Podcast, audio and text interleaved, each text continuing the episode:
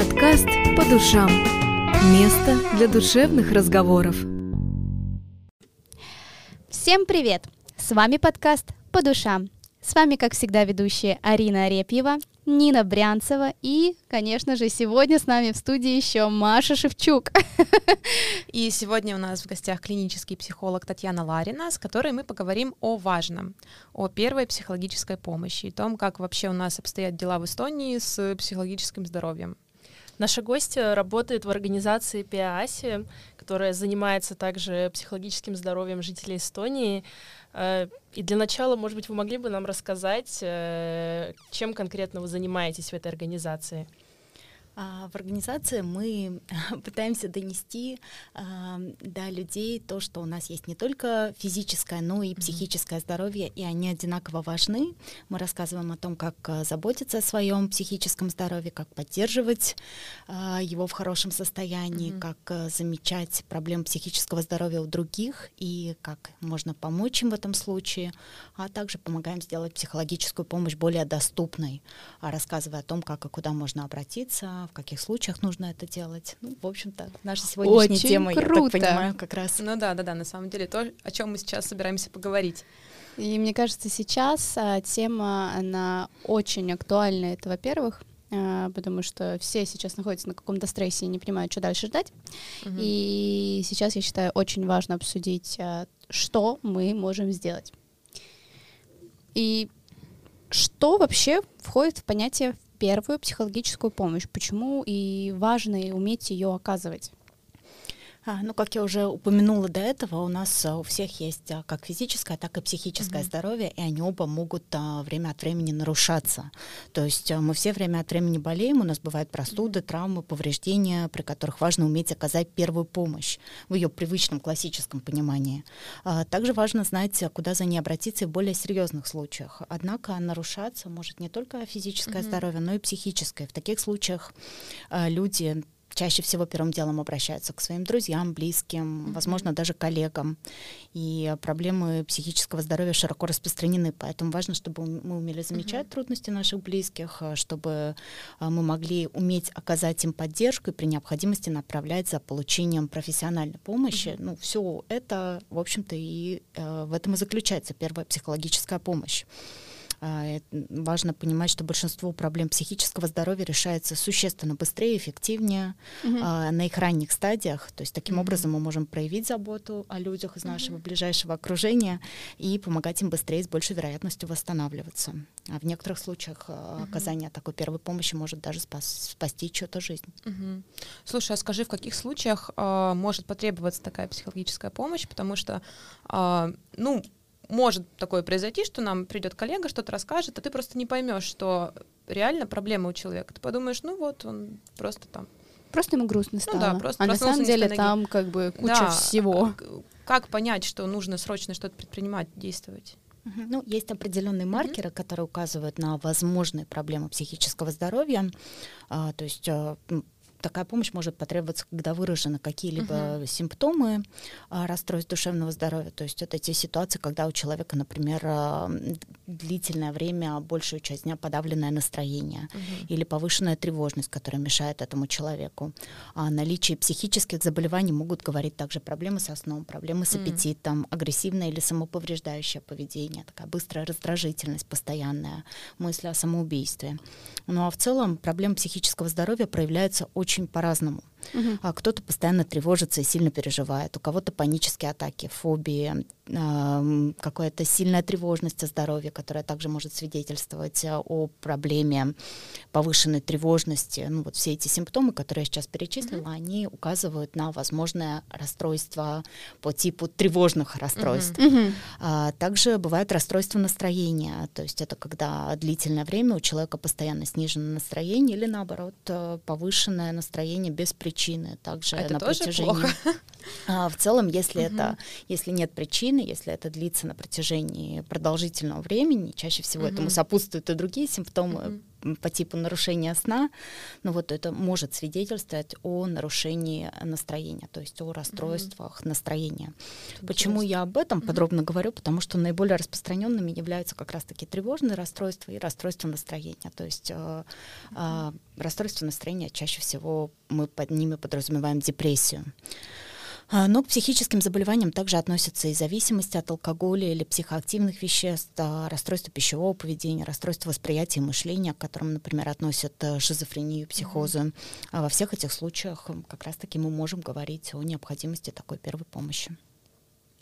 А у меня сразу возник вопрос. Э, если мы говорим о повышенном настроении, то то есть, если очень грустно, то понятно, что, скорее всего, это там тревожность и депрессия. А если повышенное настроение, то что это может быть, например, за ментальное заболевание? Ну, в данном случае чаще всего речь может идти о биполярном расстройстве, но тут я хотела бы предостеречь, э, ну, возможно, впечатлительных слушателей, mm-hmm. да, от э, поспешных выводов, э, что э, о психическом расстройстве мы можем говорить тогда, когда это доставляет человеку страдания, когда mm-hmm. это как-то негативно влияет на его повседневную жизнь, и когда близкие замечают, э, ну, в одном из этих случаев, mm-hmm. или если все три критерия присутствуют, так тем более, то есть просто хорошее настроение, это прекрасно. Это ну, вот, если же человек чувствует, что на фоне этого сверхповышенного настроения без причины он начинает совершать какие-то, возможно, необдуманные поступки, вовлекаться в какие-то проекты, бездумно тратить деньги, ну вот то... Создаются вопросики, да? А, да, то тогда можно попробовать а, поговорить с кем-то и оценить, насколько это... Ну вот, допустим, мы заметили, что наш близкий человек, либо наш коллега, а, вот что-то не так как мы вот, вот можем ему оказать первую вот эту психологическую помощь. То есть, когда мы понимаем, допустим, человек сломал ногу или руку, то мы сразу вызываем скорую, либо э, понимаем, что человека двигать нельзя сейчас. То здесь все понятно. Вот как э, нам действовать? Вот какие можем на фразы, может быть, какие действия. Либо у нас есть э, скорая помощь психо- психологов.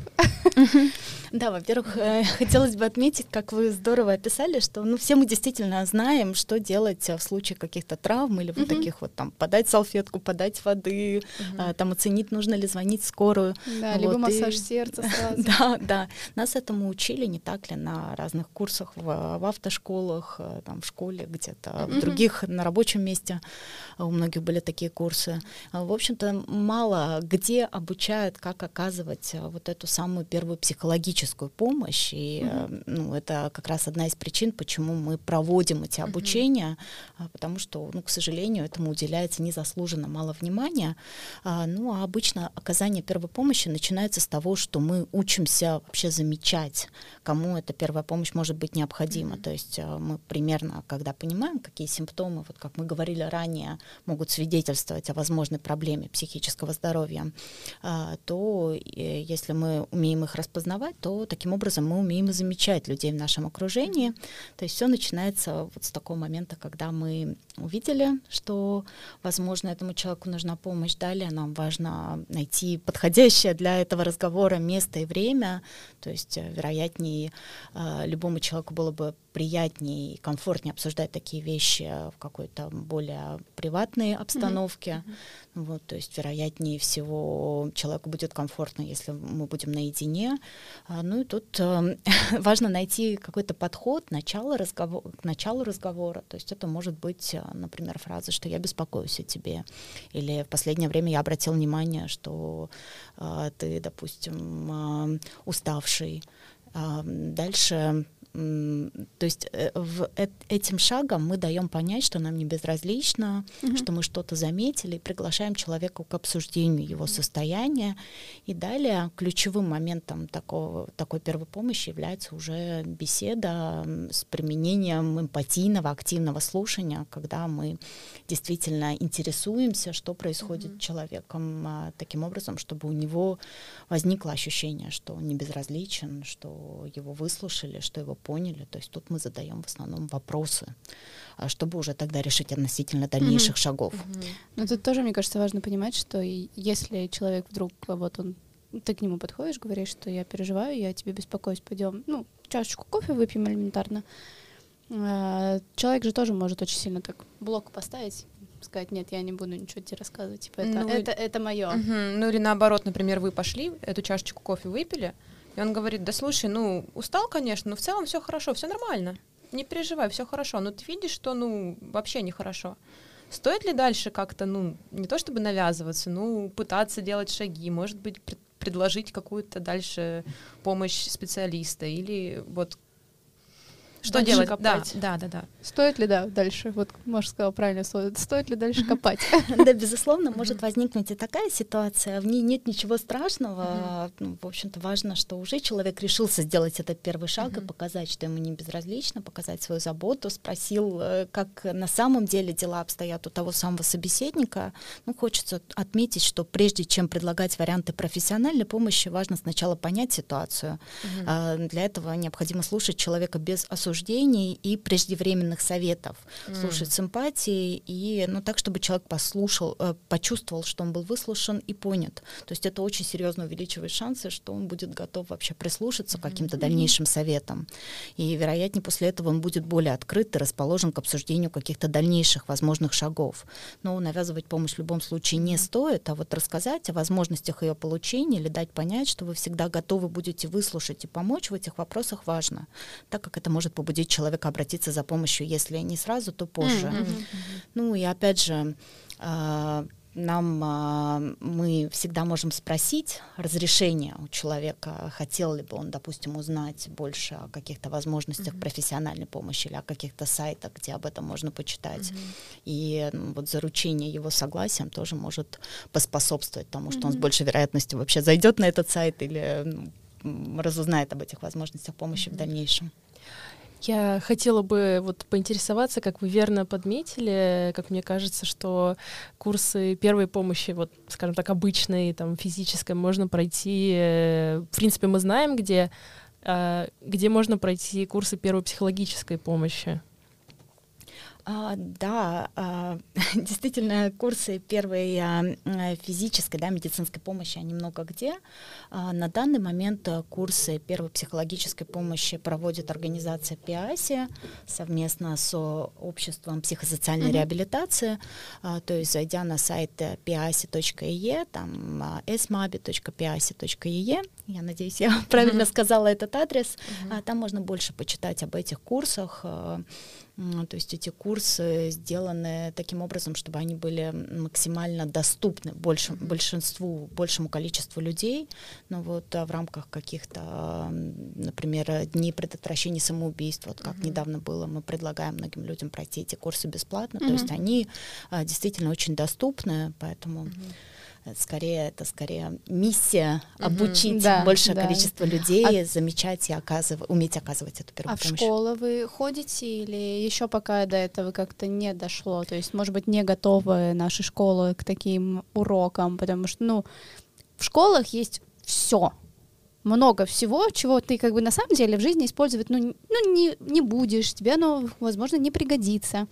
А вот такие вещи, вот а, первая медицинская помощь, она, ну, как бы в некоторых школах оказывается, ну, курсы я имею в виду, и вот мне кажется, вот если бы нас в школе обучали общаться, если бы нас в школе обучали, э, как правильно можно оказать психологическую поддержку, то в целом-то проблем было бы меньше.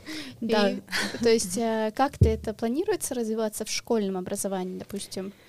А, конкретно мы не думали об этом Мгм. направлении, но я абсолютно согласна в том, что эм, какие-то подобные знания получать Мгм. еще в подростковом школьном возрасте было бы прекрасным вкладом в психическое здоровье всего населения страны. И я надеюсь, что у школ действительно есть э, ну, сейчас взят курс на большую, э, на повышение осведомленности в этой теме. То есть, мне кажется, современные а, школьники, подростки, с кем я достаточно много взаимодействую по работе, гораздо более осведомлены, чем, допустим, э, те же самые подростки 10 Мгм. или 20 лет назад. Ну, а Да, вообще лет к вам пять ходят? назад уже прям было. Ну, а вообще к вам ходят дети или подростки, например, можно записаться, если А, тебе 17, например? В э, организация ПИАСИ mm-hmm. работает так называемый молодежный центр, ага. то есть мы принимаем а, людей в возрасте от 16 mm-hmm. до 26 лет. Mm-hmm. То есть именно эти, этой возрастной группе предлагаются бесплатные консультации. Это первичная консультация, mm-hmm. на которой мы помогаем а, оценить обратившемуся состояние его mm-hmm. психического здоровья. То есть если человек а, подозревает у себя депрессию или mm-hmm. другое расстройство, mm-hmm. там, допустим, но не уверен, стоит ли ему обращаться дальше, или наоборот, он уже понимает, что ему необходима профессиональная помощь, но он просто не знает куда, или mm-hmm. там столкнулся с большими очередями где-то на прием, mm-hmm. то он может а, прийти к нам, и а, мы поможем ему понять лучше mm-hmm. его психическое состояние, ну вот что с ним может происходить, а, рассказать о каких-то способах mm-hmm. помочь себе, а, посоветовать какие-то варианты обращения за дальнейшей помощью, mm-hmm. даже при необходимости помочь с этой записью, mm-hmm. если mm-hmm. ну, очень бывает по-разному. Некоторые люди в депрессии, например, не чувствуют в себе сил э, там обзванивать ну, э, да. какие-то центры да. психологические, искать там свободный номерок. Да, в очереди вот. стоять, вот это все. Ну, то есть с 16 да. до 26. Да, да. Э, и, в принципе, эти консультации, времена на новые консультации у нас появляются ежемесячно. Угу. Вот среди наших специалистов работают как клинические специалисты, то есть это психологи психиатры, так и, допустим, ребята, у которых тоже есть есть осведомленность а, в теме психического здоровья, но немножечко с другим бэкграундом, например, молодежные работники. И таким образом в центре всегда два специалиста образуют вот такую вот пару консультантов. Mm-hmm. Один mm-hmm. из них клинический специалист, который в большей степени призван оценить состояние этого молодого человека и ну, как бы понять, насколько там серьезно это состояние. И другой человек, который больше м, является куратором случая и ведет этого обратившегося клиента э, ну, дальше помогая ему обратиться за профессиональной помощью, если это необходимо, или помогая осваивать и применять техники самопомощи, какие-то стратегии. А часто ли вообще обращаются? Насколько остро стоит проблема вот психологического здоровья у нас в Эстонии? А, да, а, если говорить про центр, он стал сразу же очень популярным, то есть а, мы не предполагали такого, такого наплыва обращений, и во многом это связано с тем, что есть большой спрос а, на а, психологические, психиатрические услуги, на вот помощь в этой сфере, но, к сожалению, достаточно большие очереди. Безусловно, последние годы, да, которые были ознаменованы коронавирусом, и вот сейчас этими военными событиями, они тоже являются ну, такими предпосылками да, для uh-huh. более широкого распространения там, психических расстройств или а, просто нарушений эмоциональных состояний среди людей. Поэтому, в общем-то, да, спрос на эти услуги очень большой, и мы надеемся, что таким образом мы помогаем человеку быстрее получить хоть какую-то информацию и поддержку, uh-huh. чем там он мог бы это Э, сделав, э, сделать, ожидая много месяцев в очередях. Можно ли сказать, что вот в связи с коронавирусом и началом войны прямо заметно выросло количество обращений? Или это больше так как-то плавно идет рост? Ну, у меня, к сожалению, нет статистики uh-huh. относительно того, насколько увеличилось количество обращений, да, там в процентах или uh-huh. по месяцам, а, но совершенно очевидно, что такие серьезные стрессовые факторы, как угроза жизни и здоровью у родных и близких, например, у тех, у кого есть взаимосвязи, а, или, например, финансовые проблемы uh-huh. да, в связи с энергетическим кризисом, неуверенность в завтрашнем дне, обострение национальных вопросов и напряженность в обществе, а также в целом тревожный новостной фон существенно повышает уровень стресса э, населения. То есть и таким образом это повышает вероятность возникновения и э, обострения психических расстройств. То есть, в принципе, это все можно проиллюстрировать так называемой широко известной психиатрии модели под названием диатез-стресс. Ну, то есть это та модель, которая помогает объяснять многие болезни, в частности, психические заболевания.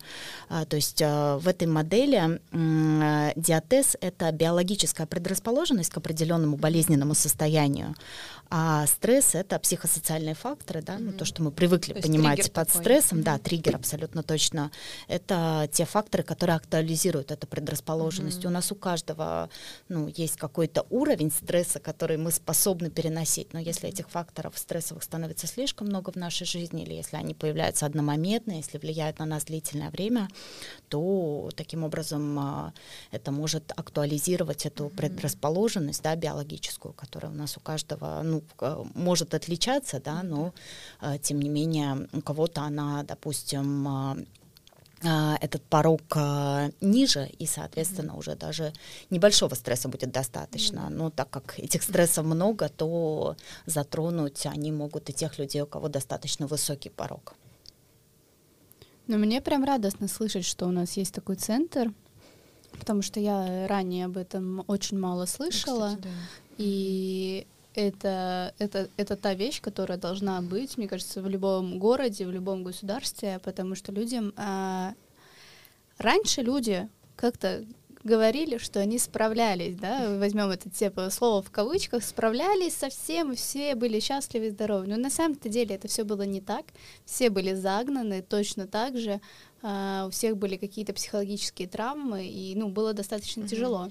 Сейчас, uh, ну, именно э, тема психологии и э, тема разговоров о том, что надо говорить о своих проблемах, надо с этим разбираться, она стала более актуальной, но все еще она как бы ну, не, до, не дошла до своего пика. И мне очень радостно, что у нас есть э, такой центр, куда люди могут прийти за реальной помощью. И это будет доступно для них, потому что мы, ну, как бы мы понимаем, что психологи это не самые дешевые врачи, потому что они очень много потратили времени на то, чтобы обучиться, очень много сил туда вложили. И как бы один на один, ну, это понятное дело, что это не самая дешевая услуга, и когда ты понимаешь, что у нас есть такая возможность воспользоваться за доступные э, ресурсы, и это находится здесь рядом, это прям очень круто и прям мне об этом нужно рассказывать. Об этом нужно да. рассказывать, да. об этом прям нужно кричать, я бы сказала.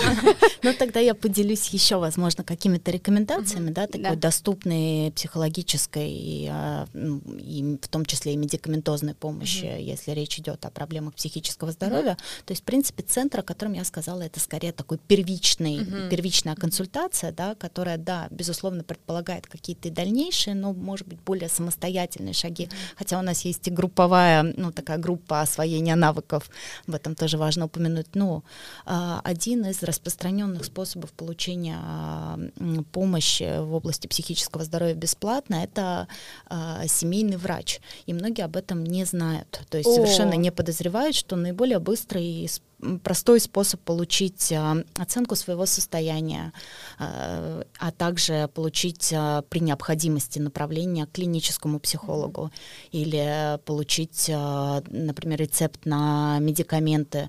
Это обращение к семейному врачу. То есть семейный врач компетентен в диагностике и лечении наиболее распространенных проблем психического здоровья. Это, как уже я говорила, упоминала, тревожное расстройство mm-hmm. и депрессивное расстройство. Это то, что чаще чаще всего случается э, среди, ну, чаще всего встречающиеся расстройства среди взрослых. Ну вот, и даже если семейный врач, э, допустим, затрудняется поставить диагноз или подобрать лечение, то он также может обратиться к психиатру в рамках электронной консультации. Это так и называется э-консультация. Mm-hmm. А также а, в Эстонии существует так называемый терапевтический фонд, терапия-фонд. Это значит, что у семейного врача, у каждого семейного врача есть какой-то определенный бюджет, который он между своими пациентами может а, распределять в зависимости от их а, потребностей. В данном случае этот фонд оплачивает консультации клинических психологов, ну, например, в частных психологических центрах. Поэтому Даже. человек, получив такое направление, может сам выбрать себе подходящего специалиста среди клинических психологов, которые работают э, в учреждениях, э, которые сотрудничают с больничной кассой, с mm-hmm. хайки-кассой. Вот, и таким образом получить помощь. Вот это прям максимально полезная информация. Да, кстати, я тоже не знала. Я об этом не в курсе. Да, я когда провожу обучение первой помощи, ради любопытства всегда спрашиваю, кто знает о такой штуке, как терапевтический фонд, или что к семейному врачу можно обращаться. И... А есть такие люди, которые знают об этом? Да, есть люди, которые об этом знают, потому что на курсы по первой помощи приходят самые разные а, люди, многие из них сами работают в сфере, а, в сфере психологии, даже не знаю, в социальной сфере, да, например, школьные психологи, психологи, ну mm. вот, или среди них также бывают а, там социальные работники, молодежные mm. работники, поэтому они, конечно, больше осведомлены о таких возможностях, чем в среднем люди по стране, mm-hmm. можно так сказать. Но я замечаю, что эта осведомленность, она все равно до сих пор достаточно низкая, хотя mm-hmm. этот терапевтический фонд ну, существует уже как минимум лет пять. Mm-hmm. Ну, мы тому живой пример, что осведомленность пока что низкая. Да, мы здесь статистику провели.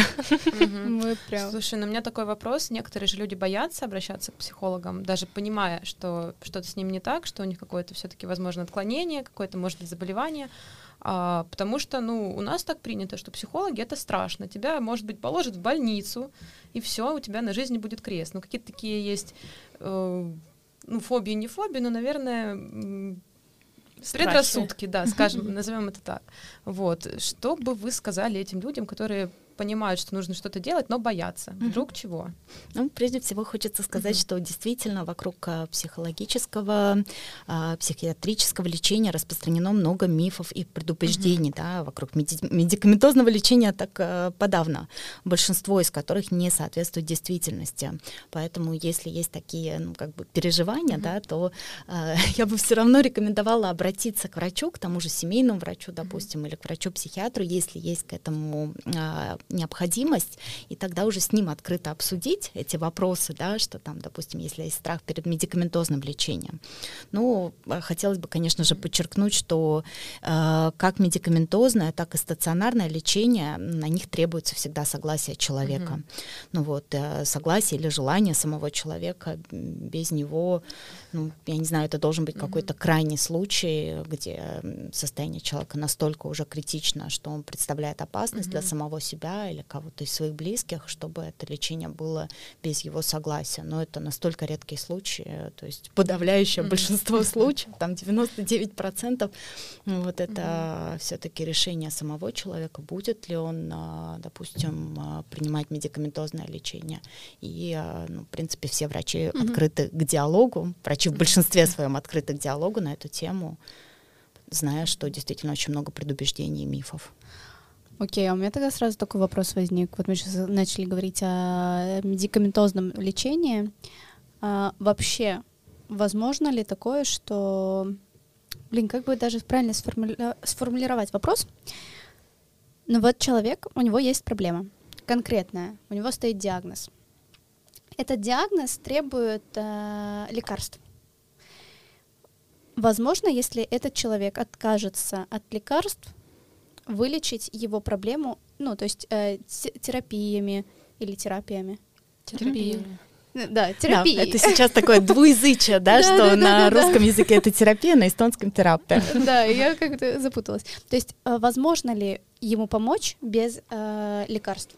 Но все, конечно, очень зависит от состояния человека, от типа проблемы. То есть чем больше биологический компонент в, этой, э, в этом заболевании, тем, конечно, э, больше необходимость в медикаментозном лечении.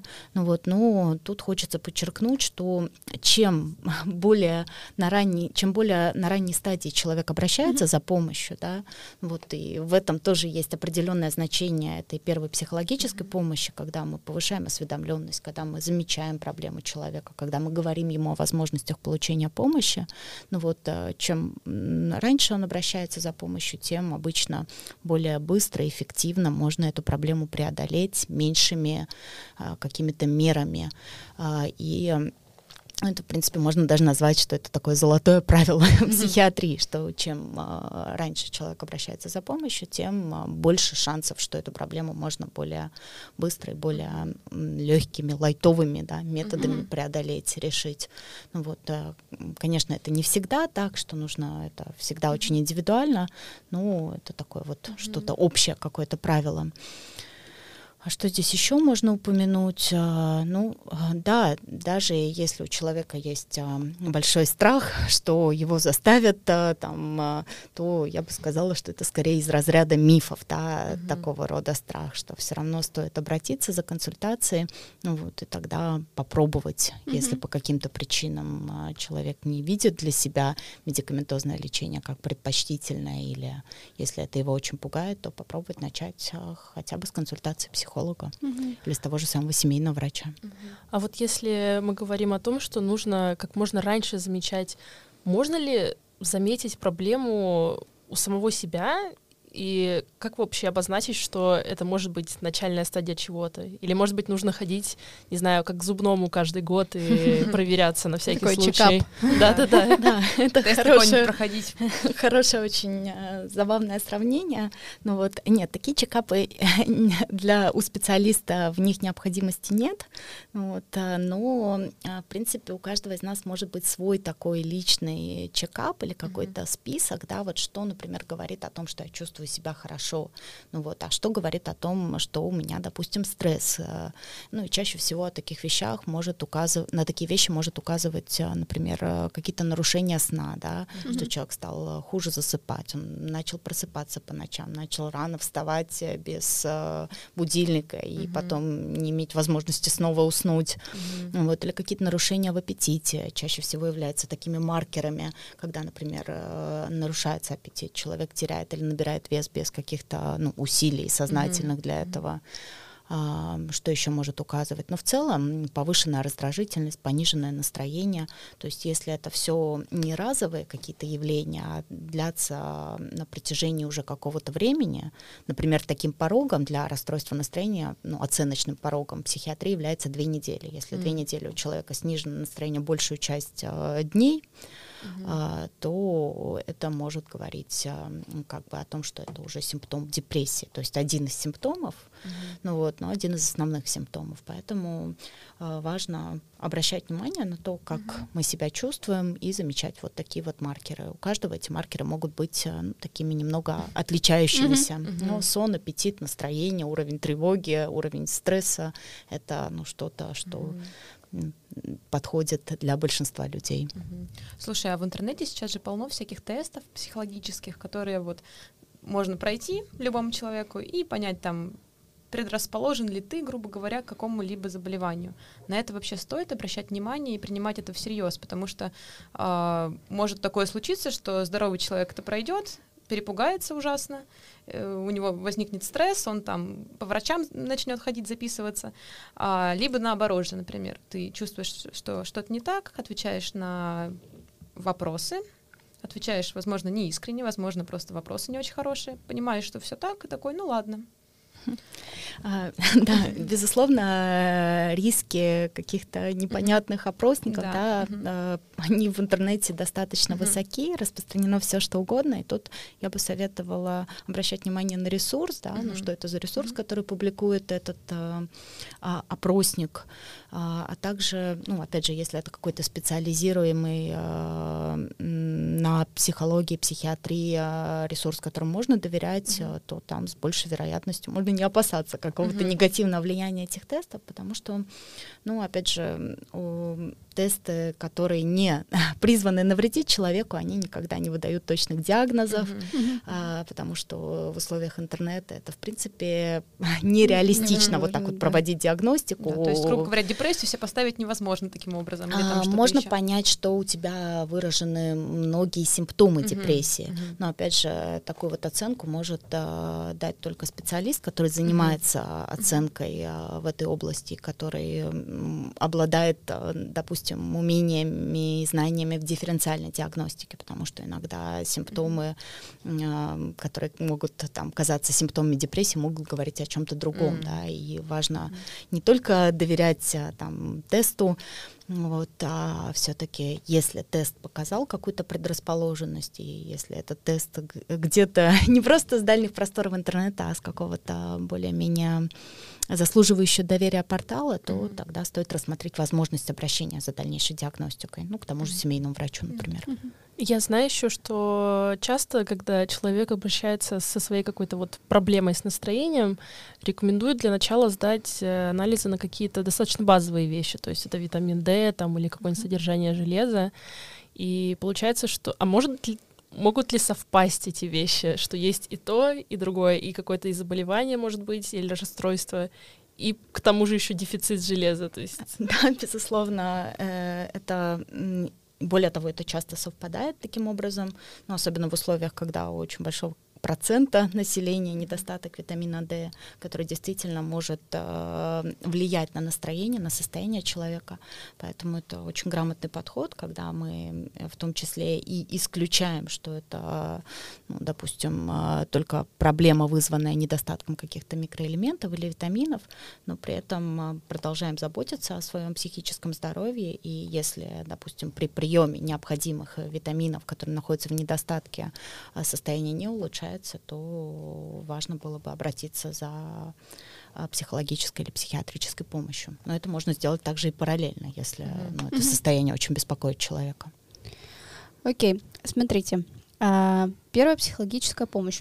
Давайте разберем по этапам.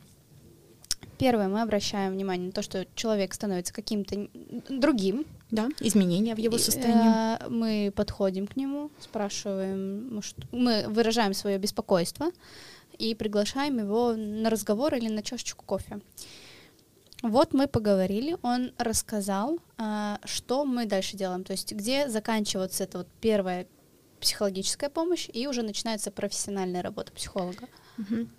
Ну, наверное, хочется тогда сказать, начать с того, чем первая психологическая помощь не является. Это mm-hmm. не дифференциальная диагностика, то есть это mm-hmm. перед э, человеком, который хочет такую помощь оказать, не стоит задача там понять, э, депрессия это или это биполярное расстройство, или это что-то еще. То есть вот не э, достаточно того, что, допустим, у человека есть понимание, что вот сниженное настроение на протяжении более чем двух недель ежедневно это ненормально.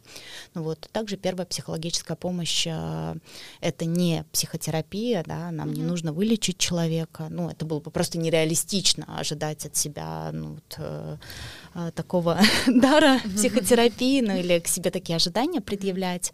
Ну, вот, э, по сути, после этого разговора, э, когда мы выслушали человека, когда мы немножечко больше узнали о его состоянии, а, мы можем, а, во-первых, в рамках этого разговора важно оценить риски, да, ну, например, риски того, что состояние человека может быть опасным для его жизни.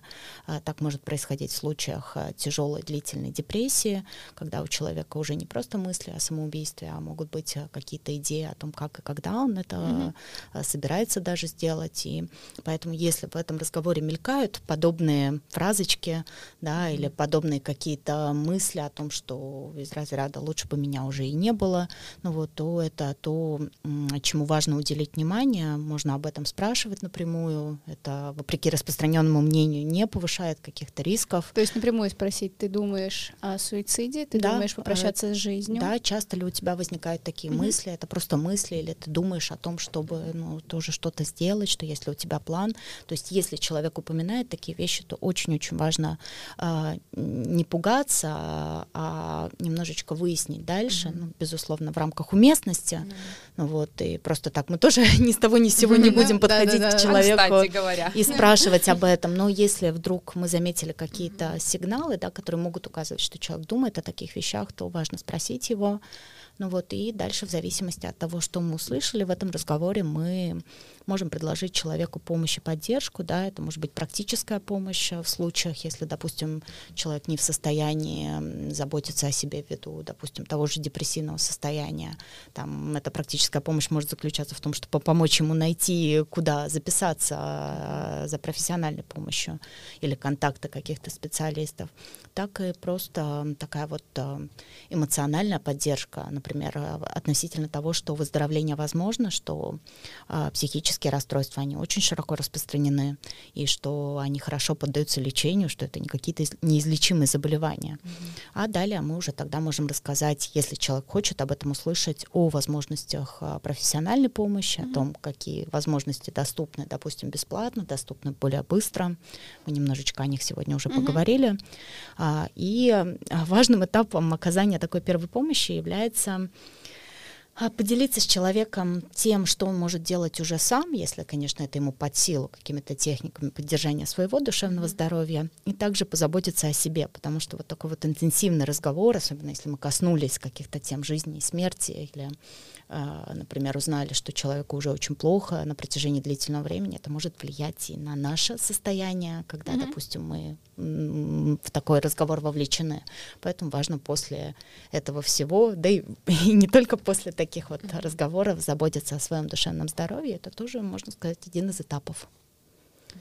Слушай, а кому бы ты посоветовала в первую очередь проходить эти курсы? Может быть, какой-то определенной профессии или кому-то, кто в каком-то, может быть, в какой-то роли выступает, например, мамам или угу. что-то в этом роде? Интересный вопрос. А, на самом деле, я думаю, что как и та же самая медицинская первая uh-huh. помощь, да, она может быть полезна очень широкому кругу людей. Uh-huh. Вот что кто чаще всего приходят люди все-таки, которые как-то связаны с людьми по своему mm-hmm. роду деятельности.